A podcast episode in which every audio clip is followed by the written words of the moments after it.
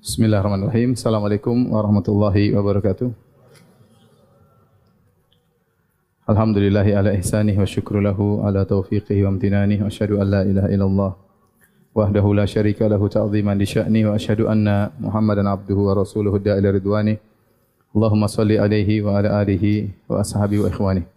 Hadirin dan hadirat yang dirahmati oleh Allah Subhanahu wa taala.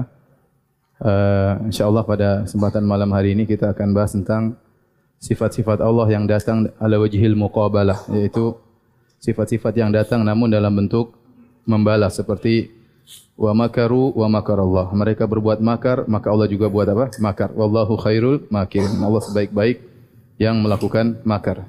Innahum yakiduna kaida wa akidu kaida. Mereka bikin kait, trik rencana yang buruk, maka aku pun buat trik kepada mereka. Jadi Allah melakukan kait, eh, trik yang buruk atau makar dalam rangka membalas orang yang melakukan makar. Itu namanya sifat al-waridah.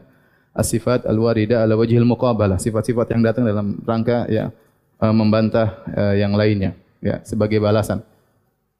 Sebelum saya sampaikan uh, pembahasan ini ya uh, saya ber, ber, ber, mengucapkan jazakumullah khairan kepada para ikhwan para akhwat yang masih setia hadir ya. Karena pembahasan kita memang berat ya, sudah mulai berguguran ya. eh, kalau antum bukan dengan izin Allah kemudian antum tidak hadir, siapa yang mau dengar pengajian saya ya? Tapi ini harus saya sampaikan ya. Dan memang berat dan terus akan berat ya. Mungkin nanti mulai ringan kalau kita sudah bahas masalah aliman bil yaumil akhir, masalah sahabat, masalah hal-hal seperti itu. Tapi masalah semua sifat penuh dengan syubhat sehingga kita harus meletakkan kaedah-kaedah dalam rangka untuk menyelamatkan kita sendiri agar tidak terjerumus dalam syubhat-syubhat ahlul bidah dan juga dalam rangka membantah uh, pemikiran mereka. Taib Syekhul Islam Ibnu Taimiyah rahimahullah dalam bab ini beliau membawakan tiga ayat. Pertama wa huwa syadidul mihal, yang kedua wa makaru makrallahu wa makarna makran wa hum la yash'urun. Kemudian innahum yakiduna kaidan wa akidu kaida. Ya. Eh, sebelum saya membahas masalah ini saya akan mengingatkan kembali tentang masalah eh, pengkabaran tentang Allah Subhanahu wa taala.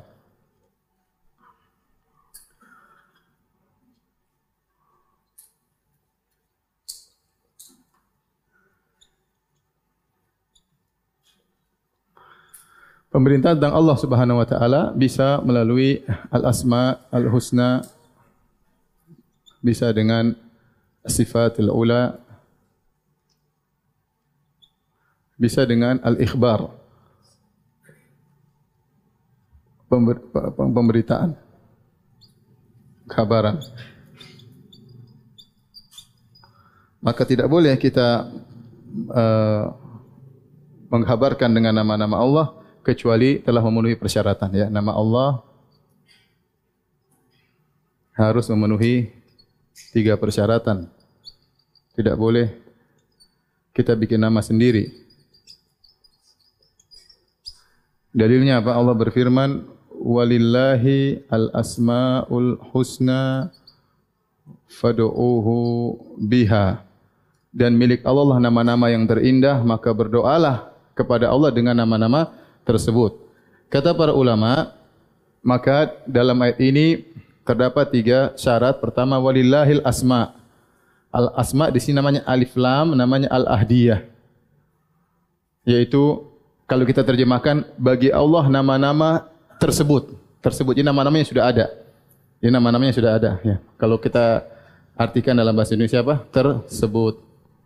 Ini menunjukkan nama-nama Allah sudah ada, Allah yang menamakan dirinya samaita bihi nafsak.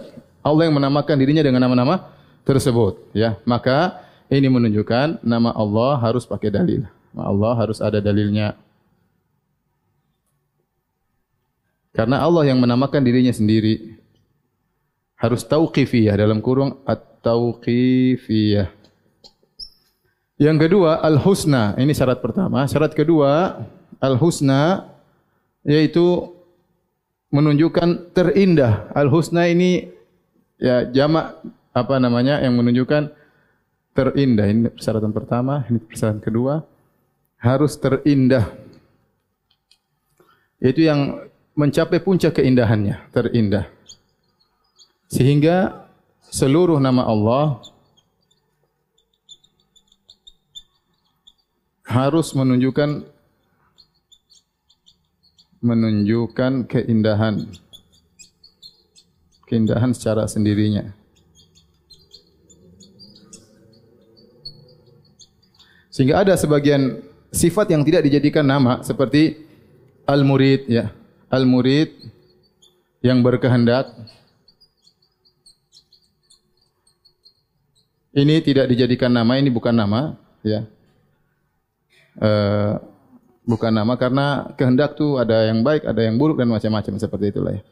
Mereka mengatakan masih ada kemungkinan yang yang lain. Apalagi misalnya nama Allah bilang ada sebagian ulama nama Al-Makir, sang pembuat makar. Ini tentunya namanya yang artinya apa? Sangat buruk. Artinya apa? Sang maha pembuat makar misalnya. Enggak cocok. Sehingga tidak bisa dijadikan nama Allah Subhanahu wa taala. Kemudian uh, yaitu bisa dijadikan untuk berdoa ya. Berdoa dengannya.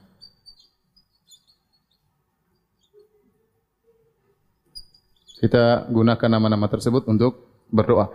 Ini secara singkat mengenai asmaul husna. Adapun sifat-sifat Allah Subhanahu wa taala, maka ini juga harus dengan dalil sudah kita sebutkan pada pertemuan yang dulu bahwasanya ada sifat namanya as-subutiyah yang ditetapkan ada sifat al-manfiyah atau salbiyah al-manfiyah yang dinafikan Dinafikan banyak seperti tidur, capek ya, la ta'khudhu sinatun wala naum, ngantuk ya. Mama masana min lugub, kami tidak ditimpa dengan keletihan, ya. Allah tidak hayun la yamut, tidak apa? Tidak mati dan banyak. Sifat subutiyah maka ya, bisa dibagi lagi menjadi dua, ada namanya sifat az-zatiyah, ada namanya sifat al-fi'liyah. Ini sudah pernah kita jelaskan. Sifat zatiyah berkaitan dengan Allah yang selalu ada dan senantiasa bersama Allah seperti wajah, kedua tangan dan yang lainnya. Zat sifat fi'liyah yang berkaitan dengan kehendak Allah, yang berkaitan dengan kehendak Allah. Jika Allah berkehendak Allah lakukan, jika tidak Allah tidak lakukan. Contohnya seperti nuzul ya, kemudian sifat nuzul, sifat rahmat, sifat ghadab. Ini semua disebut dengan sifat fi'liyah. Adapun pengkhabaran, maka syaratnya cuma dua. Yang pertama adalah yang pertama maknanya harus benar berdas, harus berdasarkan dalil. Adapun lafalnya, lafal pengungkapannya, pengungkapannya tidak boleh buruk. Ini bab ini lebih umum ya. Maknanya harus tauqifiyah. Jadi kalau bahasa istilah para ulama ya. Uh, tauqifiyah maknan la lafzan. Jadi maknanya harus tauqifiyah tapi lafalnya tidak ya. Contoh uh, misalnya contoh kita bilang Allah al-maujud. Al-maujud yang ada. Misalnya asy Kul ayu syai'in akbaru syahada. Dalam Al-Quran Allah sebutkan. Kul ayu syai'in akbaru syahada. Ini bukan nama, bukan. Nama harus indah. Mewujud apa artinya? Ya, mewujud bukan indah. Syai' sesuatu juga bukan apa? Indah. Ya. Misalnya, uh, uh, wajibul wujud. Ya. Yang harus uh, ada misalnya.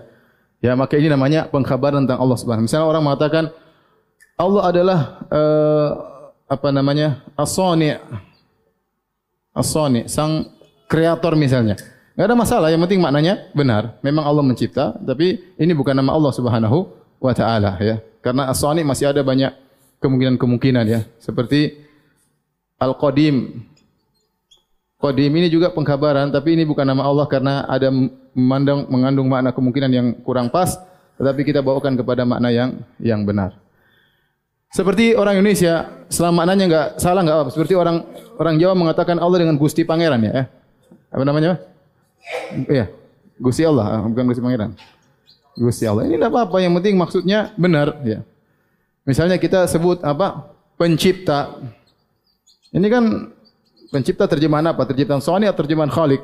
Intinya boleh. Waktu kita bilang wahai zat yang memahamkan Sulaiman, ya mufahimas Sulaiman, yang memahamkan Nabi Sulaiman. Disebutkan salah seorang ulama kalau dia dalam kondisi sulit tidak paham dia berdoa, ya mufahimas Sulaiman. Wahai yang memahamkan Sulaiman, fahimni. Bikinlah aku apa?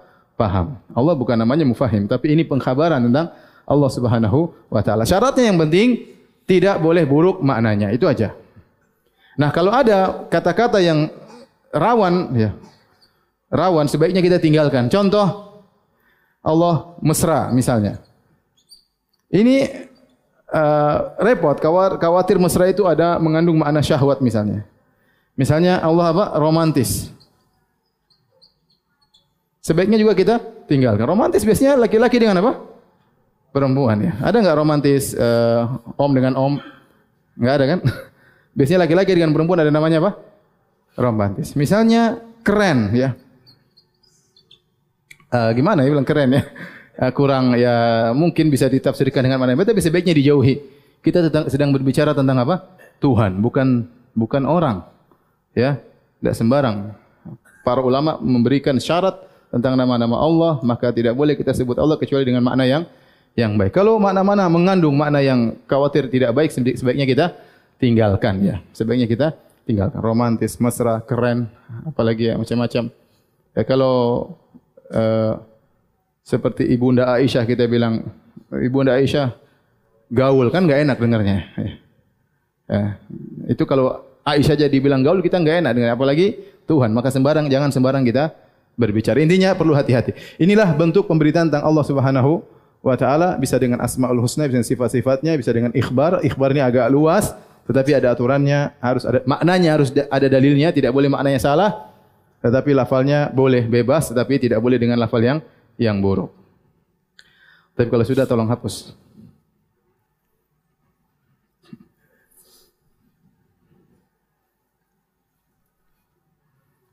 Tunggu, tunggu, tunggu. Ya, orang baru sabar.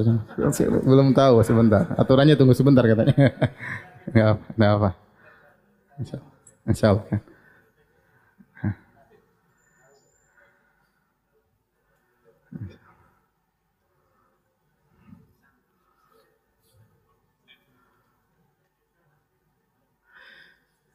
Jadi kalau untuk sifat dan nama harus tauqifiyah maknan wa lafzan ya.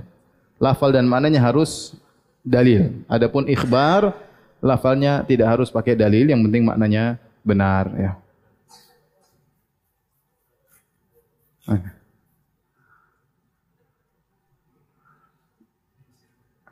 Antum sebelah sini, antum, antum, antum apa sebelah sini? Apa, apa sini? Butuh anda apa? Beri, beri. Biar dapat pahala sini. Antum sebelah sana aja sudah. Antum, antum berdiri. Ya. Ya. Oke. Ya, gitu. Uh, uh,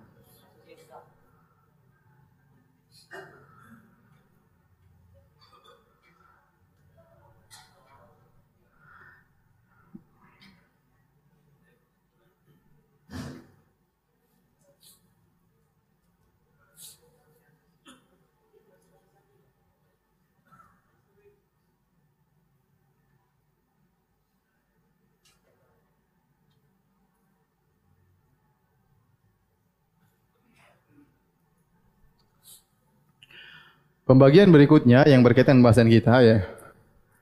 Uh,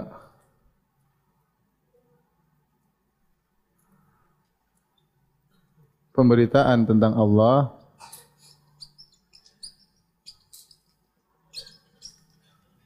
ditinjau dari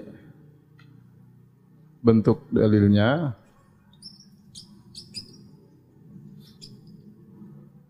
dibagi menjadi empat. Yang pertama ya datang dalam bentuk uh, infirat bersendirian.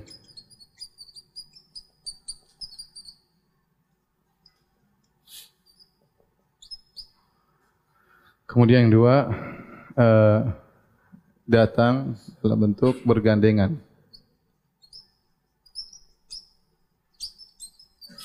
Bergandengan dengan yang lain.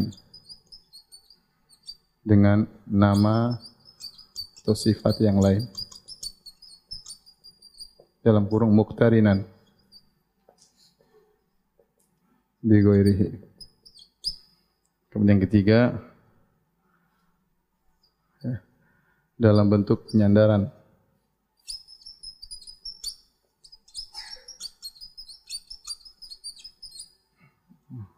Bil idhafah ya. Yang keempat ala wajhil muqabalah. Ini yang saya bilang tadi apa namanya? Dalam bentuk uh, balasan ya. Dan yang ini banyak ya.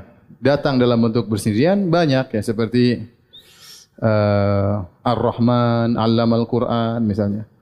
Misalnya Ar-Rahman, ya. Allamal Quran, ya. Ini Ar-Rahman datang apa? Sendirian. Tidak bergandingan dengan nama yang lain, tidak bergandingan dengan sifat yang. Contohnya lagi misalnya wa huwa ala kulli syai'in qadir, ya. Ala kulli syai'in apa? Qadir, ya. Ini juga dia bersendirian, ya. Datang dalam bentuk bersendirian, terkadang bergandengan. Terkadang bergandengan. Misalnya in apa uh, afuwan qadira misalnya. Afuwan qadira. Sami'an basira. Sami' sendiri basir sendiri boleh afu sendiri. Allahumma innaka afuun. Datang sendiri kan? Tuhibbul afwa fa'fu anni. Tapi terkadang dia bergandengan. Tapi intinya dia bisa datang sendirian. Afuwan qadira qadir sendiri. Ya. Tapi terkadang dia bergandengan dengan nama yang yang lain. Faham? Ada yang datang uh, dalam bentuk bergandengan, ya, seperti kata para ulama al-qabid al-basit yang menggenggam yang membentangkan, maksudnya masalah rezeki. Menggenggam rezeki, menyempitkan rezeki, ya, dan membentangkan karunia. Al-qabidul basit dua hal yang bersifat yang lain bergandingan dengan nama sifat yang lain yang berlawanan dengannya. Berlawanan dengannya. Al-Qabidul Basit kemudian Al-Khafid Ar-Rafi' yang merendahkan yang meninggikan seperti Al-Mu'izz Al-Muzil yang memuliakan yang menghinakan ya. Ini contoh dia saling apa? Eh, bergandengan. Contohnya al-mu'ti al-mani yang memberikan dan yang menghalangi. Al-mu'ti mani an-nafi ad-dar.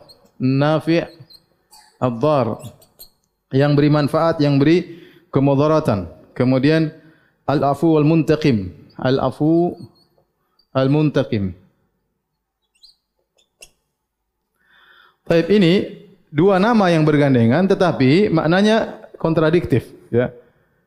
Menggenggam membentang ya. Merendahkan meninggikan. Memuliakan menghinakan. Memberikan melarang mencegah. Memberi manfaat beri mudarat. Memaafkan membalas. Khilaf di kalangan para ulama. Bolehkah kita menyebut Allah dengan salah satu dari nama ini? Misalnya kita menamakan anak kita Abdul Mu'ti. Boleh enggak? Padahal Mu'ti tidak datang, tidak sempurna nak ma ma makna Mu'ti kecuali digandingkan dengan Al-Mani'. Ya. Ya. La mani alima a'tait wa la mu'ti alima mana'ta. Dengan kita mengatakan tidak ada yang bisa memberikan apa yang kau halangi dan tidak ada yang menghalangi apa yang kau berikan. Dengan digabungkannya dua makna yang kontradiktif ini menunjukkan Allah Maha Kuasa. Semua diatur oleh rububiyah Allah Subhanahu wa taala. Karena dialah yang memberi dan dia juga yang mencegah. Dialah yang merendahkan, dialah yang meninggikan. Dialah yang menggenggam rezeki, dia juga yang melapangkan rezeki. Dia yang beri manfaat, dia juga yang beri apa? Mudarat. Dia yang maafkan, dia juga yang membalas. Jadi, kalau tidak digabungkan dua nama ini, kesempurnaan Allah tidak begitu nampak. Beda tatkala digabungkan Al-Mani' uh, Al-Mu'ti yang memberi dan yang apa? Men mencegah. Sehingga kita semua tahu di dunia ini hanya Allah yang melakukannya. Bisa menggabungkan mencegah dan apa? Memberi. Nah, bagaimana kalau kita menyebutkan salah satu nama ini, maka ada dua kondisi, ya. hukum ya menyebut salah satu nama. Salah satu nama saja. Ada dua kondisi. Pertama, ya. Sisi negatif, sisi makna yang makna yang uh, negatif ya. Maksudnya ad-dar ya negatif apa? Misalnya al-muzil yang menghinakan, al-qabid yang menjempitkan rezeki, al-khafid yang merendahkan, ad-dar yang beri mudarat, al-muntaqim. Boleh enggak kita kasih nama kita Abdul Muntaqim? Abdul Dar ya, hamba sang pemberi mudarat enggak boleh. Maka ini sepakat tidak boleh, sepakat ulama tidak boleh. Contohnya apa? Abdul Dar enggak boleh. Ini haram hukumnya. Kenapa tidak boleh? Karena ad-dhar tidak datang kecuali bergandengan dengan apa? An-nafi. Maka sebagaimana datang bergandengan, ini semua bergandengan datang dalam, dalam makna ya. Bergandengan maka kita harus sampaikan juga dengan bergandengan. Tetapi pada sisi makna yang positif,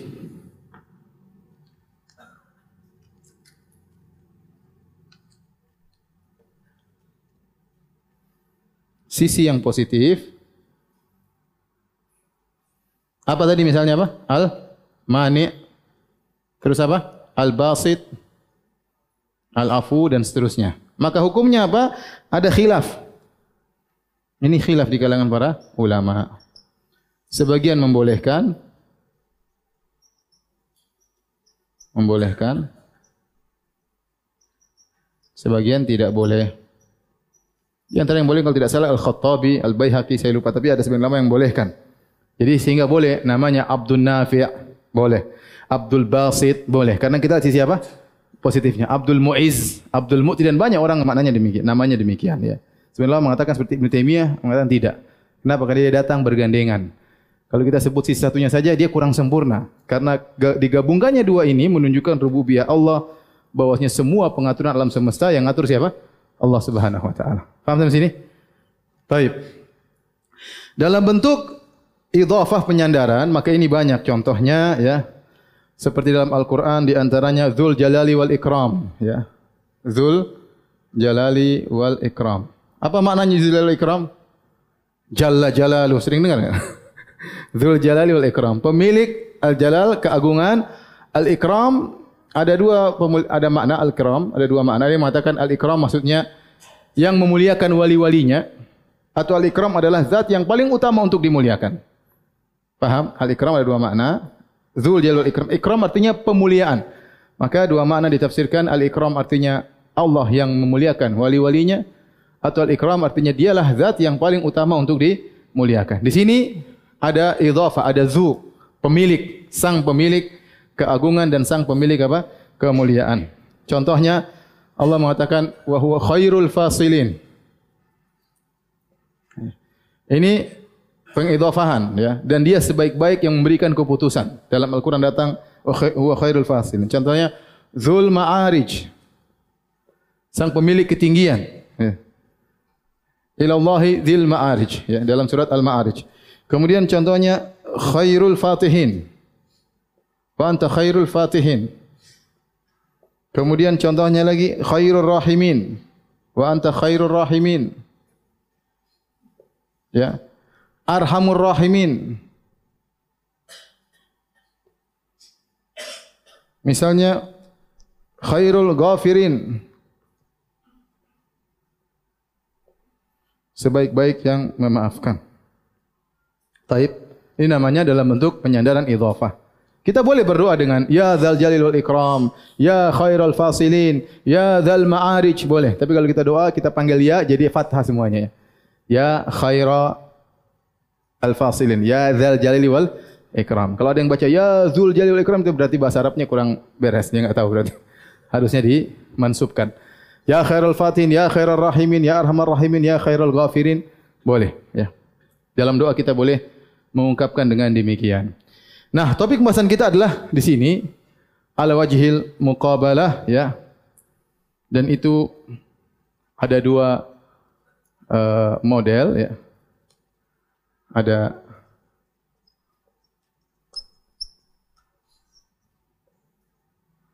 Yang pertama yang boleh disebutkan meskipun bersendirian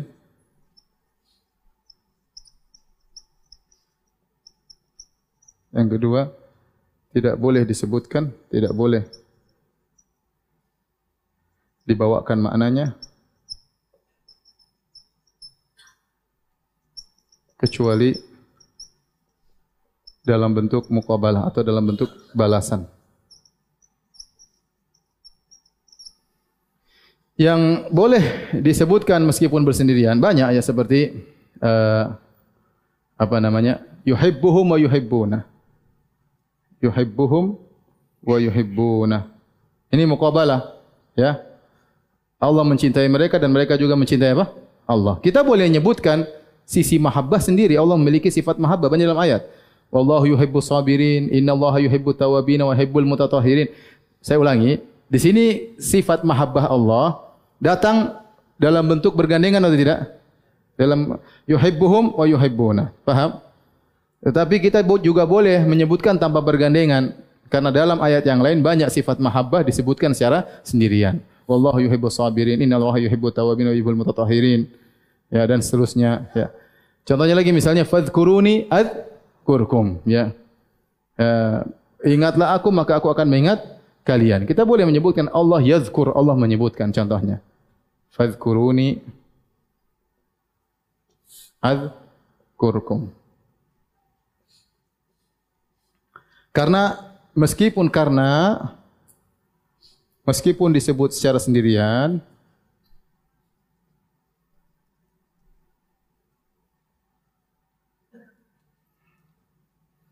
maknanya tetap baik.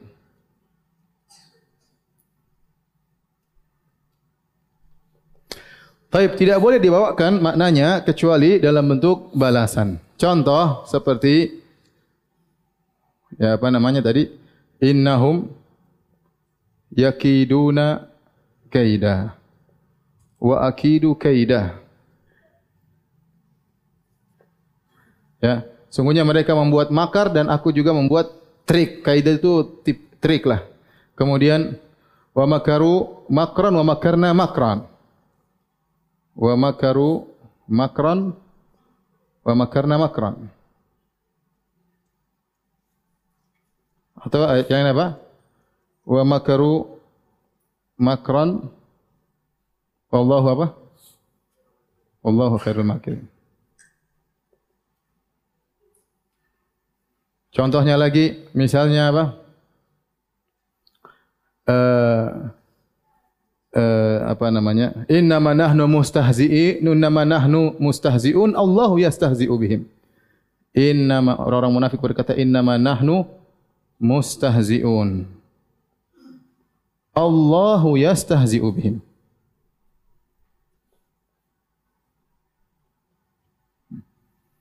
Contohnya lagi, Eh, banyak ya. Dan yang wajib ala wajhil muqabalah banyak. Ada juga yang boleh seperti apa? Wa ammal ats-tsalits fastahya uh, fastahya Allahu minhu. Jadi Rasulullah sebutkan tentang tiga orang yang yang datang, yang satu maju ke depan, yang satu ini, yang satu malu. Sehingga dia di belakang kata kata Nabi, yang terakhir yang ketiga dia malu maka Allah pun malu dengan dengan dia ya. Istahya fastahya Allahu minhu. Ini contoh ya, ini hadis ya. Di sini Allah menyebutkan malu dan Allah balas dengan juga malu. Tetapi ini boleh disebutkan secara sendiri seperti innallaha hayyun karim. Innallaha hayyun karim yastahi min abdihi idza rafa'a yadayhi an yardahu masifran sungguhnya Allah maha malu dan maha mulia malu kalau ada hambanya angkat kedua tangannya lalu Allah tidak penuhi uh, doanya ya. Baik. Ini yang disebut dengan yang difokuskan oleh Syekhul Islam Taimiyah dalam Majmu' Fatawa eh, dalam apa? Eh, Asyar Akidah Wasitiyah atau Akidah Wasitiyah. Kemudian Syekhul Islam juga membawakan wa huwa syadidul mihal. Wa huwa syadidul mihal. Al-mihal dari wazan fi'al fi'al ya seperti jihad ya. Nah, maknanya mumahalah mufa'alah. Dan ada ada ada dua pendapat dua pendapat tentang makna mihal. Ada yang mengatakan al mihal sama dengan intiqam.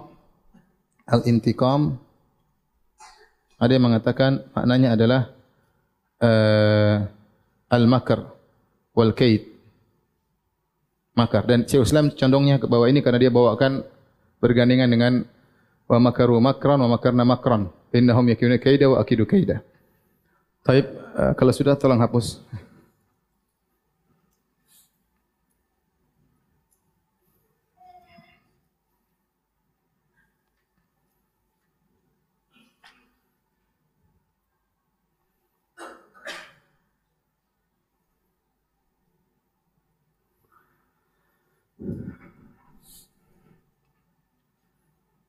Ada yang bertanya sebelum dihapus? Ada yang mau nanya? Apa? Sudah terlanjur salah? Perbaiki. Contoh tunggu, salahnya gimana contohnya?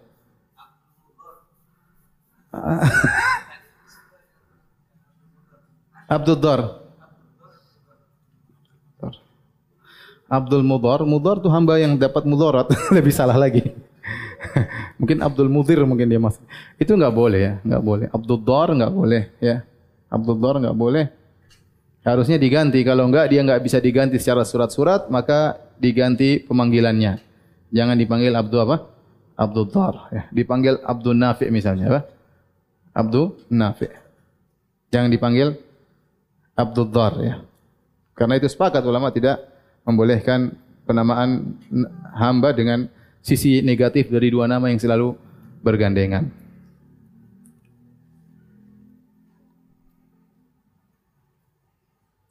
Ada lagi yang bertanya? Hah? Apa? Oh iya, sama. Di antaranya uh, nasyahum uh, apa? Nasullaha fa nasyahum. Orang-orang munafik. Mereka nasu dan nasya. Nanti kita jelaskan di sini insyaallah. Baik. Sekarang kita sebutkan sifat-sifat yang disebut oleh Syekh Islam dalam uh, akidah wasitiyah ya. Di antara tadi ya sifat-sifat yang datang dalam bentuk pembalasan. Banyak tadi ya disebutkan ya. Uh, contohnya tadi apa? Al istihza. Mengejek kalau bahasa kita. Tadi apa lagi? Al makar kan? Bahasa kita apa? Makar. Sudah ada sudah apa makna nasional ya? Ada undang-undang makar kan? Kemudian al kait apa? Trik lah. Ya apa namanya? Trik ya. Atau tipu daya ya. Kemudian apa lagi? Fayaskharu sakhir sayaskharuna minhu sakhir sayaskharuna minhum sakhir Allahu minhum. Sakhir sama sama mirip dengan istihza yaitu mengejek ya. Kemudian ada uh, nasullaha fa nasiyahum ya nasullaha fanasiyahum. Tadi ada juga Pak istihya lah. apa? Al istihya. Fastahya fastahya Allahu minhu. Dia malu tidak maju ke depan Allah pun malu darinya. Dan masih ada sifat-sifat yang lain ya. Di sini kita dapati Mereka para penolak sifat, mereka tidak mau mengartikan secara zahirnya, trik, makar, mengejek ya. Maka bagaimana ya sikap terhadap sifat-sifat ini ya?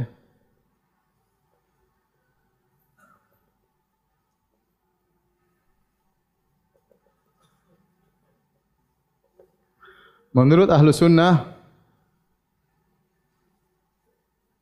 menurut para penolak sifat.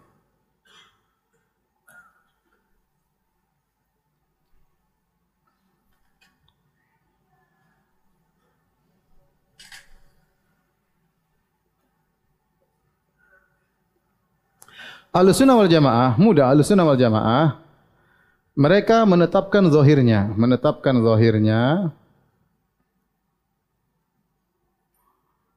pada makna pada makna yang baik ya pada makna yang baik. Karena sifat-sifat ini ada dua kemungkinan pertama kemungkinan yang baik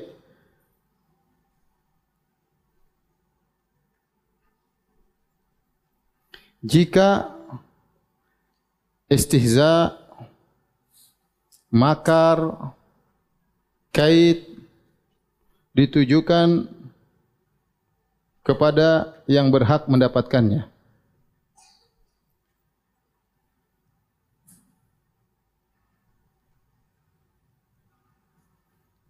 Maknanya maknanya buruk jika ditujukan jika dilakukan kepada yang tidak berhak. Tidak berhak ya. Uh, sehingga terjadi kezaliman.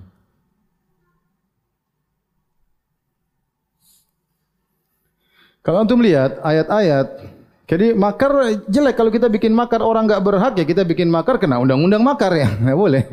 Tidak boleh semua orang tahu buat makar kepada orang baik enggak boleh. Tetapi kalau membalas makar dengan makar itu hebat berarti. Musuh punya makar, kita bikin makar, kita bisa mengalahkan dia terpuji atau tidak? Terpuji, bahkan manusia terpuji jika bisa membalas makar dengan apa? Dengan makar, apalagi Allah Allahu khairul makirin. Maka kalau kita lihat ayat-ayatnya, maka istihza misal mukhada'ah juga. Di antara juga al mukhada'ah, khida. Ya. Uh, menipu ya. Seperti innal innal munafiqina yukhadi'una Allah. Sungguhnya orang munafik menipu apa?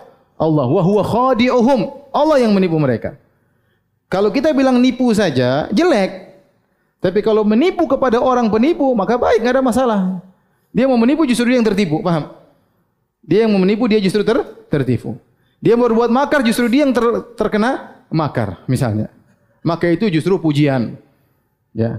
Jadi kita bilang sifat-sifat ini ada dua kemungkinan. Kemungkinan baik jika ditempatkan pada orang yang berhak mendapatkannya. Adapun jika tidak pada tempatnya hanya sekedar mutlak maka tidak boleh karena dia maknanya buruk. Makar itu kesannya buruk. Makanya tidak boleh kita menambahkan Allah dengan al-makir. Karena sekedar al-makir ini mengandung dua kemungkinan. Faham? Saya ulangi tidak boleh al-makir al-makir. Padahal Allah khairul makirin. Ini tidak boleh. Karena kenapa? Mengandung dua makna. Kalau dimutlakan maknanya buruk. Ya, kalau dimutlakan maknanya apa? Buruk. Taib. Di antara ayat-ayat yang menunjukkan akan hal ini. Contoh seperti kisah Nabi Isa alaihissalam. Kata Allah Subhanahu wa taala, uh, "Wa makaru makran ya. Wallahu khairul makirin." Mereka membuat makar dan Allah sebaik-baik pembuat makar. Bagaimana kisahnya?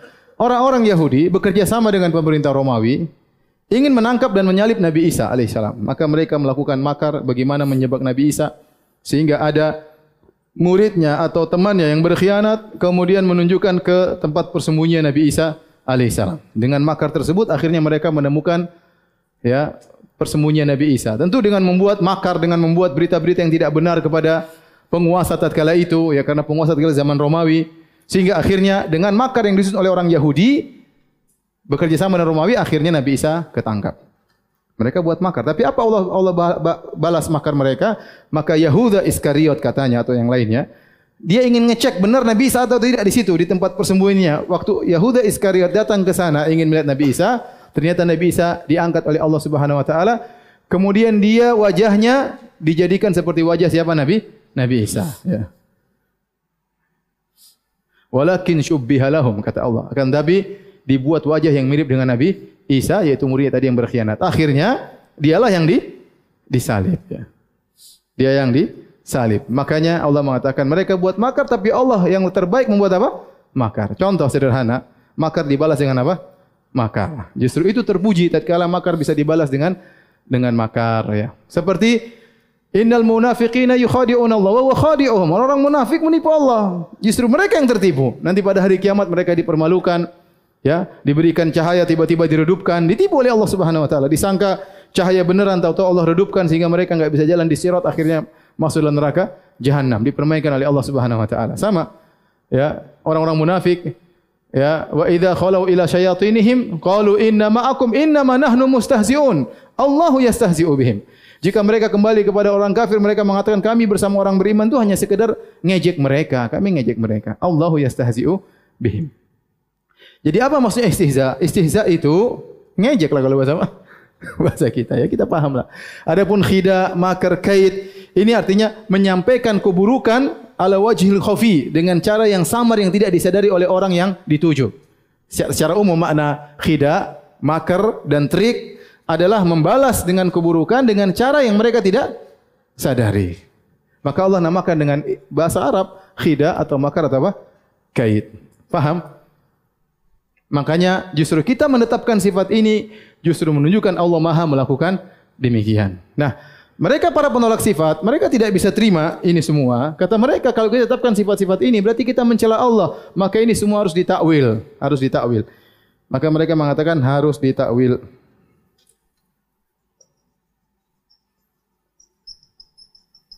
Kenapa harus ditakwil?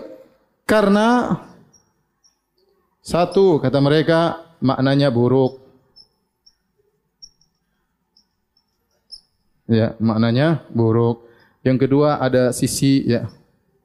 Ada sisi main-main. Allah tidak bisa main-main ya. Masa Allah main-main ngejek mereka seperti itu. Sehingga mereka mengatakan harus ditakwil. Takwil ya mungkin dengan makar artinya ingin memberi balasan dan yang lain-lainnya. Ditakwil ya. Ditakwil kata mereka ini majaz. Ini hanyalah hanyalah majaz. Ya. Allah menyebutkannya hanya musyakalah. Musyakalah itu sebut satu dibalas dengan yang lafal yang mirip tapi maknanya beda. Hanya sekedar untuk penamaan penyamaan lafal. Ini istilah dalam balaghah ya. Intinya dibantah semuanya karena bahkan terkadang sebagian sifat-sifat ini seperti makar, ya, makar datang dalam banyak ayat bukan ala wajhil muqabalah, datang dalam banyak ayat, datang dalam ayat yang lain.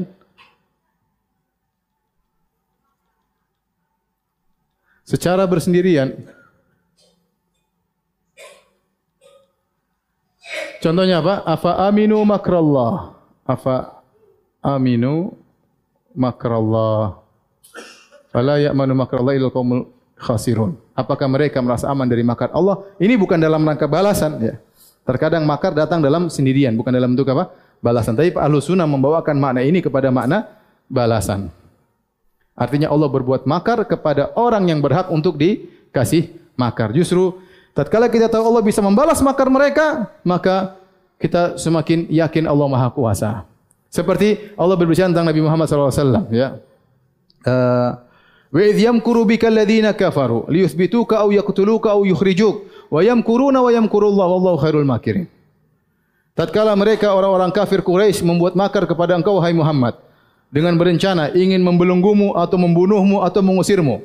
Wa yamkurun mereka bikin makar ya. Wa yamkurullah dan Allah juga bikin makar. Wallahu khairul makirin. Mereka bikin makar ingin menyebak Nabi, ternyata Allah sudah tahu Nabi keluar sebelum mereka jebak. Terus mereka cari-cari Nabi di mana? Ternyata Nabi sembunyi di wasallam di Jabal Thawr. Mereka kira Nabi sudah hilang, mereka sudah sampai ke atas, ternyata Allah tutup mata mereka. Intinya mereka ditipu oleh eh, dibuat makar oleh Allah sampai akhirnya Nabi pergi ke Madinah sampai akhirnya mereka nanti kalah dalam perang Badar ya. Jadi uh, ini dalil bahwasanya Allah Subhanahu wa taala Maha kuasa. Taib masalah nasullah fa nasiyahum al istihya. Nasiyah dalam bahasa Arab ya. Nasiyah dalam bahasa Arab. Ini disebutkan oleh para para ulama nasiyah dalam bahasa Arab ada dua makna. Ada namanya az-zuhul, lupa. Ada namanya at-tark, meninggalkan. Ya. Maksudnya nasullah artinya mereka meninggalkan Allah maka Allah pun meninggalkan mereka. Makna di sini bukan lupa. Ini dalam bahasa Arab ada nasi bisa maknanya apa? Lupa atau apa? Meninggalkan. Dan semua yang dinisbahkan Allah fanasia Allah lupa Allah lupa nasia maknanya bukan lupa tapi maknanya apa mah? Meninggalkan. Ya. Bukan lupa. Kalau lupa tidak boleh Allah tidak lupa. Wa ma kana rabbuka nasiya Allah tidak pernah lupa ya. La yadhillu rabbi wa la yansa. Ya. Allah Subhanahu wa taala tidak akan lupa. Maka para ulama semua menafsirkan nasia di sini artinya apa? Meninggalkan. Ini bukan takwil. Memang dalam bahasa Arab nasia maknanya apa? Meninggalkan. Ya. Taib. Adapun al istihya tadi juga datang dalam hadis istahya fastahyallahu minhu dia dia malu maka Allah pun malu dari dia. Istihyanya Allah tidak seperti istihyanya makhluk. Malunya malu ya. Malunya Allah tidak seperti malunya makhluk.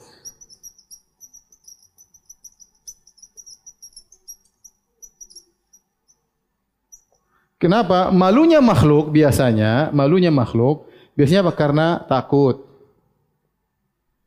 Enggak mampu misalnya. Ya. Dan lain-lain ya. Kemudian jadi apa gitu. Adapun malunya Allah Subhanahu wa taala kata para ulama, karena begitu dermawannya Allah sehingga Allah malu hambanya sudah mengangkat tangan Allah tidak apa Allah tidak berikan begitu baiknya Allah karena begitu rahmatnya Allah rahmatnya Allah ya Allah malu tidak mengampuni hambanya. Bukan karena kekurangan, ya. Justru karena kelebihan yang Allah miliki. Seperti itu ya. Seperti itu. Jadi mereka bilang ah enggak boleh kita enggak boleh kita tetapkan sifat malu karena malu menunjukkan kerendahan. Kita bilang malunya Allah tidak sama malunya makhluk. Kalau malunya makhluk iya karena kerendahan, karena ketidakmampuan, karena enggak enak, karena dia rendah. Kapan seorang tidak malu kalau dia jagoan? Dia enggak pernah malu sama siapa-siapa. Tapi kalau masuk ke istana, malu-malu kucing ya, malu. Kenapa dia merasa rendah pergi ke rumah orang kaya malu? Kenapa? Karena dia rendah. Allah malunya bukan begitu. Allah malu karena Allah saking baiknya. Ini hamba sudah ngangkat tangan. Kan makanya Allah gandengkan Inna Allah hayyun karim. Kata Nabi sungguhnya Allah maha malu dan maha dermawan. Yastahi min abdihi idza rafa yadayhi ilaihi an yaruddahu masifran. Allah malu kalau hamba angkat kedua tangannya, Allah tolak tidak dikabulkan. Paham? Itu uh, maksudnya. Jadi rasa malu Allah bukan karena kerendahan, kekurangan, tapi justru karena kesempurnaan, baiknya ya. Seorang orang aja enggak usah Allah, orang sangat dermawan, Allah datang minta-minta dia enggak kasih dia, waduh enggak bisa. Ya. Dia malu masa sudah datang ke rumah dia, mengetuk pintu enggak dikasih. Dia dia malu karena dia saking baiknya, apalagi Allah Subhanahu wa taala ya.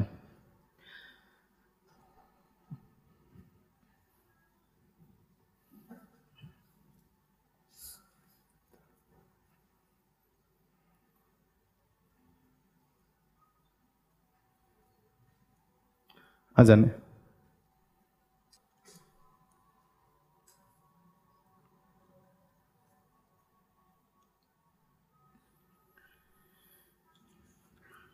Baik, hadirin dan hadirat Allah Subhanahu wa taala, kita masuk tanya jawab ya.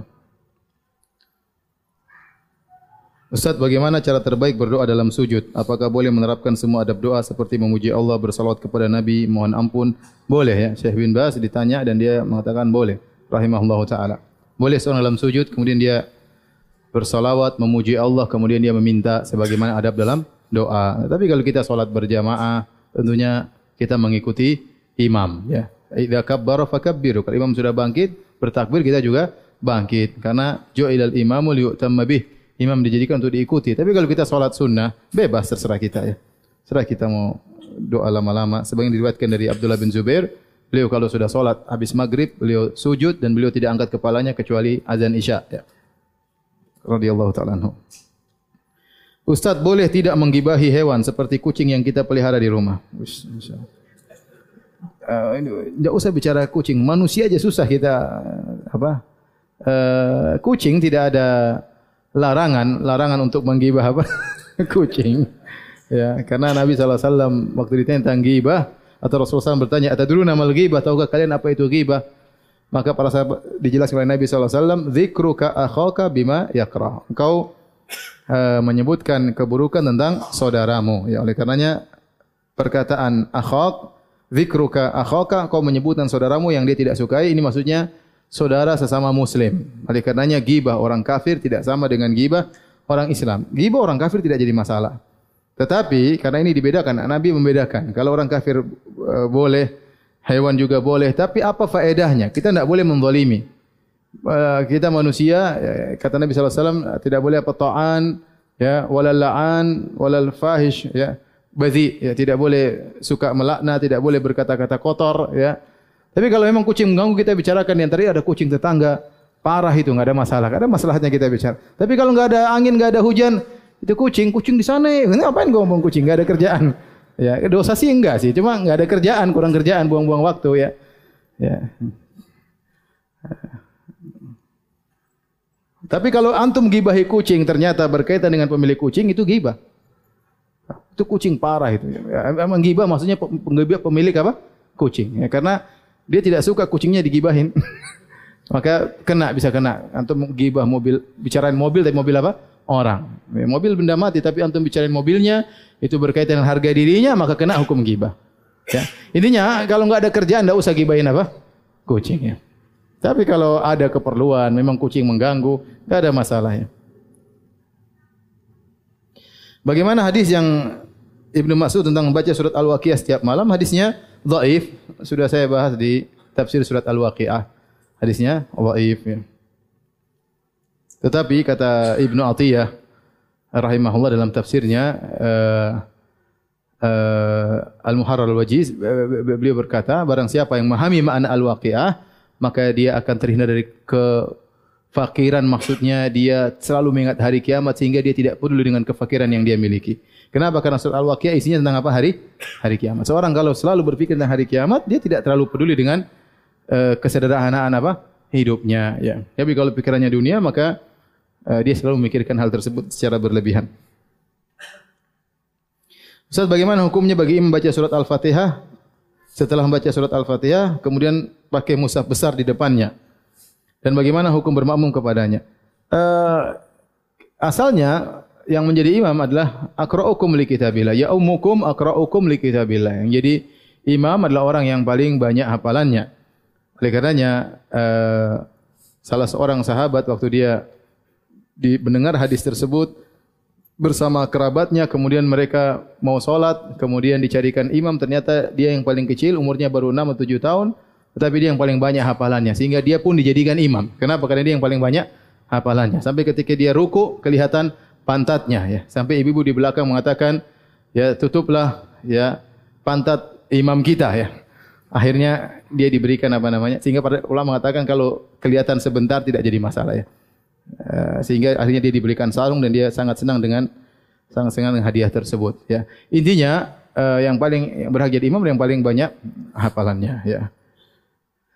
Kecuali kalau memang di tempat tersebut tidak ada yang bisa jadi imam, semua tidak punya hafalan, ya, maka lain cerita. Berarti ada hajat, ada keperluan untuk pakai mushaf Al-Quran.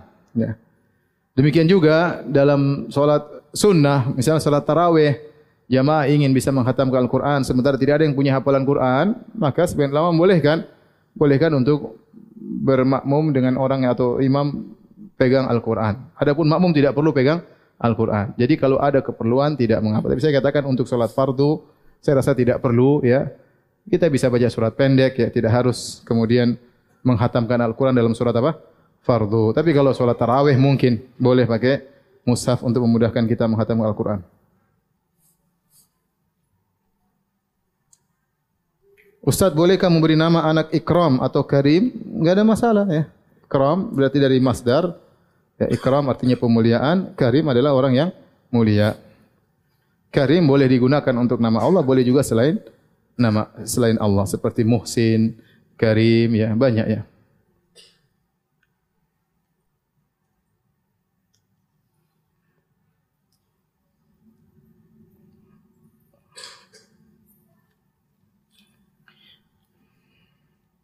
Ustaz saya berusaha istiqamah untuk puasa Senin Kemis tapi ayah saya agak kurang setuju dengan alasan nanti eh, apa ini? Takat saya kurus apa? Badan saya mungkin ya. Jadi bagaimana menanggapinya? Nanti takut saya kurus ya.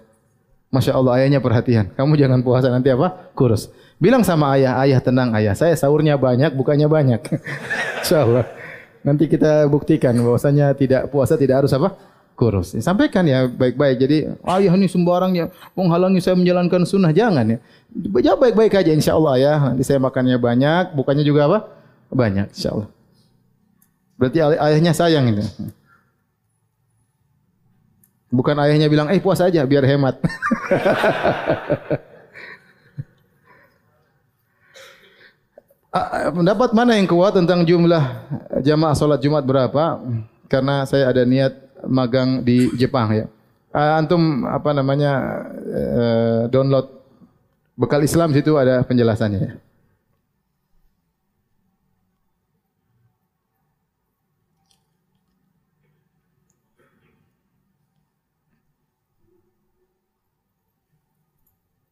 Tapi demikian saja kajian kita kurang lebih saya uh, mohon maaf besok insyaallah kita lanjutkan di waktu yang sama. Subhanakallah bihamdik asyhadu alla ilaha illa anta astaghfiruka wa atubu ilaik. Assalamualaikum warahmatullahi wabarakatuh